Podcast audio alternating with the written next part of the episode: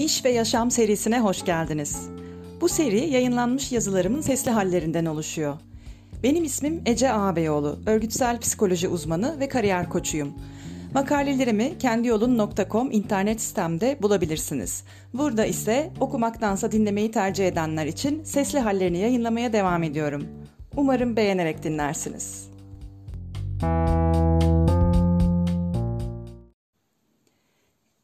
Ve Yaşam serisinin son kaydından 30 Aralık'tan herkese merhaba. Bugün Uplifers'ta da yayınlanan makalemde iddialı olma konusunu ele aldım ve bu kaydın konusu da iddialı olmak durumu. İddialı sıfatı size ne çağrıştırıyor? Sözlükte abartılı ve kendine çok güvenen gibi birkaç karşılığı var ve tıpkı orada olduğu gibi kimilerimizce olumlu, kimilerimizce olumsuz algılanıyor bu kavram. Her iki bakışında büyük ihtimalle kişinin değerleri ya da geçmiş deneyimleriyle ilgisi var. Kendini veya işini geliştirmeyi amaçlayan birinin zamanı geldiğinde üzerine kafa yorduğunu, bazen de başka bir isimle ele aldığını tahmin ettiğim bu konuya biraz daha yakından bakıyorum bu ay. İngilizce'deki assertiveness sözcüğünün Türkçe karşılığı olan iddialılık şöyle bir tutum aslında.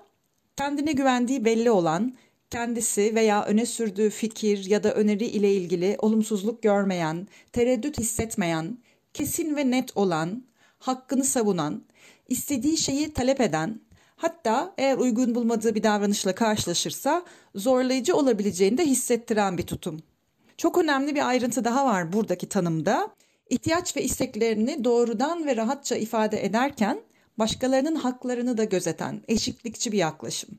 Yani ben merkezlilik ile, bencillikle ya da mutlaka ben kazanmalıyım, karşımdakini ezmeliyim gibi bir duruşla karıştırmamak lazım. Aslında agresiflik ile pasiflik arasında ikisine eşit mesafede duran, kişinin ve karşısındakilerin sınırlarını sağlık şekilde çizen bir tarzdan bahsediyorum. İddialı olmak deyince bunu kastedeceğim.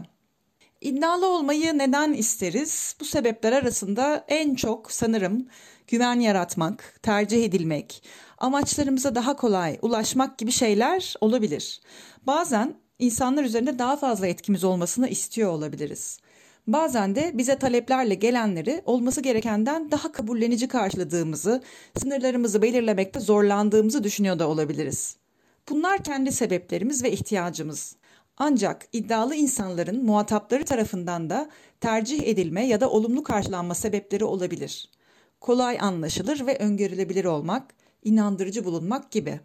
Bir ürün ya da hizmet satıyorsak, karşımızdakilerin bizimle işbirliği yapmasını hedefliyorsak, iddialı algılanmak lehimize olacaktır.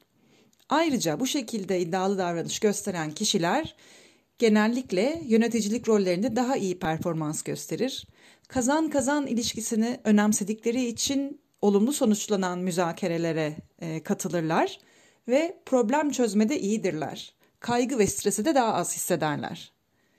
Eğer karşımızdaki ya da karşımızdakiler ile çatışan amaçlarımız varsa, yani elde etmek istediğimizle karşımızdakinin istediği zıt yönlü ise iddialı davranışımızın ne kadar işe yarayacağı karşımızdakinin çatışmalara yaklaşım stiline bağlı olacaktır. Aslında belki bilenleriniz vardır. E, çatışma stilleri diye çatışma durumunda, çıkar çatışmaları durumunda konuya nasıl yaklaştığımızı gösteren kişisel stillerimiz var. Buna Thomas Kilman çatışma modeli e, adı veriliyor. Daha doğrusu Thomas Kilman modeli en çok kabul gören ve en yaygın bilinen model. Arama motorlarını da bu şekilde arayabilirsiniz. Ayrıca yine ortamımıza ve muhataplarımıza bağlı olarak iddialı davranışın kültürel olarak olumlu algılanıp algılanmadığını da emin olmak iyi olacaktır. Burada kültür deyince yani içinde yaşadığımız toplumun kültürü de olabilir ait olduğumuz e, bir insan grubu, bir çevre, bir aile, bir arkadaş ortamı, e, bir kurum, her neresi ise içinde bulunduğumuz kişilerden oluşan ortamın yazılı olmayan kuralları kültür burada kastettiğim e, ayıplanıp ayıplanmadığı, hoş karşılanıp karşılanmadığı önemli bir bilgi olacaktır. Eğer sınırlarınızı daha iyi çizmeye, insanların isteklerinize daha uygun davranmasına, kendinizi ifade ettiğiniz ya da çıkarlarınızı koruduğunuz için daha iyi hissetmeye ihtiyaç duyuyorsanız, birazdan bahsedeceğim boyutları düşünmek faydalı olabilir. her bir boyut için, başlık için yazarak düşünme çalışması tavsiye ediyorum. Neyi yazabilirsiniz? Benim sorularım üzerine o konu hakkındaki tespitlerinizi, duygularınızı, soru işaretlerinizi, zorlandığınız yönleri ve aklınıza gelen fikirleri böyle bir günce tutarak, bir defter tutarak ele almanızı çok ciddiyetle tavsiye ederim. Çünkü yazarak düşündüğümüzde beynimiz biraz daha farklı çalışıyor ve sadece zihinsel olarak hayal ederek düşünmekten çok daha etkin sonuçlar elde ediyoruz. Tabi yazarken düşünüyoruz, yazdığımız şeyi okurken de ayrıca düşünüyoruz. Böyle bir etkisi var. İsteyenler bu podcast kaydını soruları dinleyip e, post tuşuna basarak durdura durdura eş zamanlı da yapabilir bunu. Şimdi birincisi güçlü ve zayıf yönleri bilmek. Kendinize ait güçlü ve zayıf yönlerinizi ne kadar emin bir şekilde biliyorsanız iddialı davranabilme gücünüz artar. Dikkat ederseniz sadece güçlü yönlere odaklanmıyorum. Yani sınırlarımı bilmemi de sağlayacağı için zayıf yönlerimle de yüzleşmiş ve farkında olmam çok işime yarar. Eğer tereddüdünüz varsa ya da hatta yoksa da varsa da daha gerçekçi bir tespit için farklı sosyal çevrelerden gözlemlerine güvendiğiniz kişilere gidip sizinle ilgili ilk akıllarına gelen sıfatları söylemelerini ya da size yazmalarını, mesaj atmalarını falan isteyebilirsiniz. Böylece kendinizi içeriden algılayışınız ile dışarıdan nasıl algılandığınız arasında benzerlik ve farkları anlamış olursunuz. Bunlar tabii üstünde çok düşünme fırsatları yaratan konular. Ee, eğer motivasyona ihtiyacınız çoksa, yani güç kazanmak istiyorsanız sadece olumlu sıfatları söylemelerini isteyin derim. Bu ayrıca insanları rahatlatır. Çünkü olumsuz bir şey söylemek istemeyebilirler, gerçekçi cevaplar vermeyebilirler. Ancak sadece olumlu olanları söyle dediğinizde hem siz e, canınızı sıkacak bir şey duymazsınız hem de karşı taraf daha gerçekçi cevaplar verir. Ha eğer e, motivasyon ihtiyacında ya da güçlenme ihtiyacında değilseniz, kendinizi çok iyi hissediyorsanız, zayıf yönlerinizi başkalarından duymaya hazırsanız, özgüveniniz sarsılmayacaksa ve söyleyenler hakkında olumsuz düşünmeyecekseniz, suçlamayacaksınız o kişileri, buna bir karar verin. Her ikisini de sorabilirsiniz. Yani olumlu ve olumsuz tespitlerini sorabilirsiniz. İki, değerleri gözden geçirmek. İddialı olmanın ayıplandığı ya da mütevaziliğin çok yüceltildiği bir ailede mi büyüdünüz? Yetiştirilme tarzımız pek çok davranışımızı ve bakış açımızı etkiliyor malum. Kimi zaman aynı yönde etkileniyoruz, kimi zaman da tepkisel olarak zıt yönde bir etkilenme söz konusu. Acaba böyle bir etki altında olabilir misiniz? Sizin için iddialı olmak ne anlama geliyor? Aklınıza yatmayan bir tarafı var mı? Varsa nedir onlar? Bu unsurlar hakkında duygularınız neler? Sizce ideal iddialılık nasıl bir şey olmalı? Bunları da çalıştıktan sonra gelelim etrafımıza bakma konusuna. İddialı olduğunu düşündüğünüz ve tarzını beğendiğiniz, saygınızı kazanmış insanlar var mı? Şöyle bir düşünün. Neyi farklı yapıyorlar? Tarzını beğenmediğiniz iddialı kişiler ile beğendiğiniz iddialı kişiler arasında ne fark görüyorsunuz?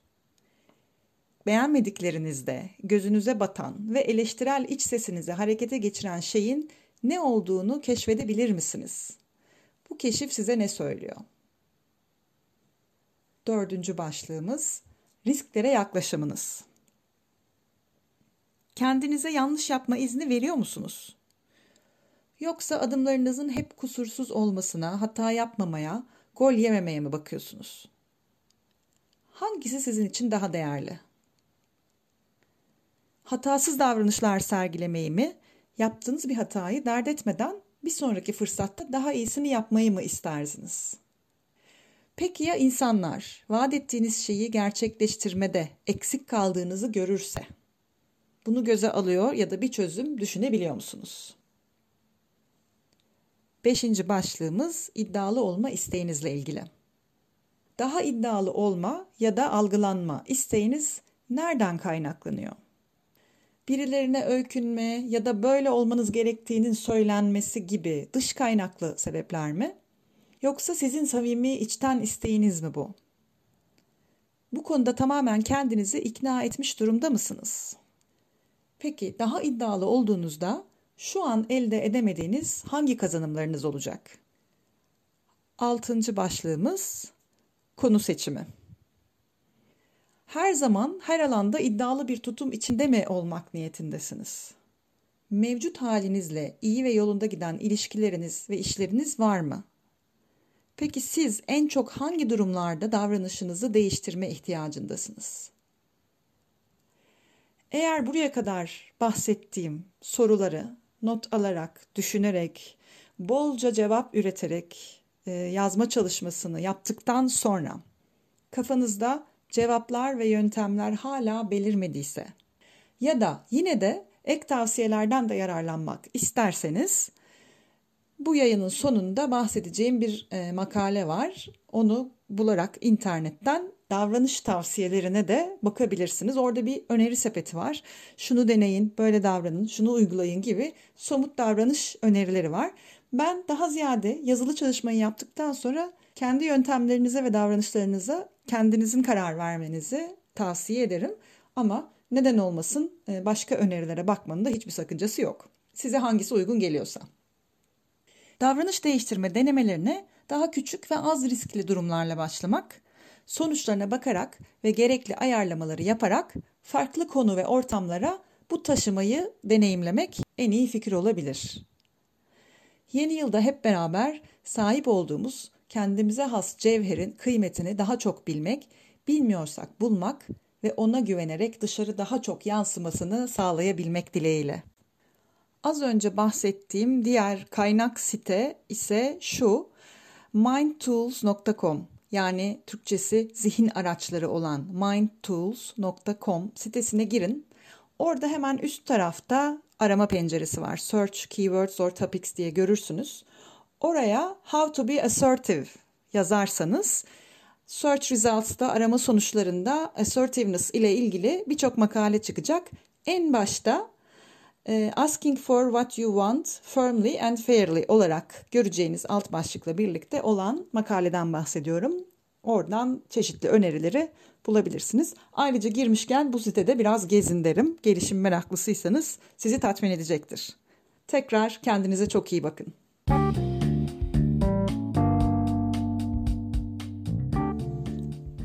Dinlediğiniz için teşekkürler.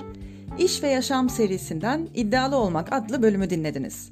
Benim adım Ece Ağabeyoğlu. Örgütsel psikoloji uzmanı ve kariyer koçuyum. Bu podcast yayınlarımı beğeniyorsanız ve çevrenizde faydalanabilecekler varsa paylaşmayı ve takibe almayı lütfen unutmayın. Bana ulaşmak için Instagram ve LinkedIn'de Ece Ağabeyoğlu hesabıma doğrudan mesaj atabilir, ece.kendiyolun.com adresine mail gönderebilirsiniz. Kendinize çok iyi bakın.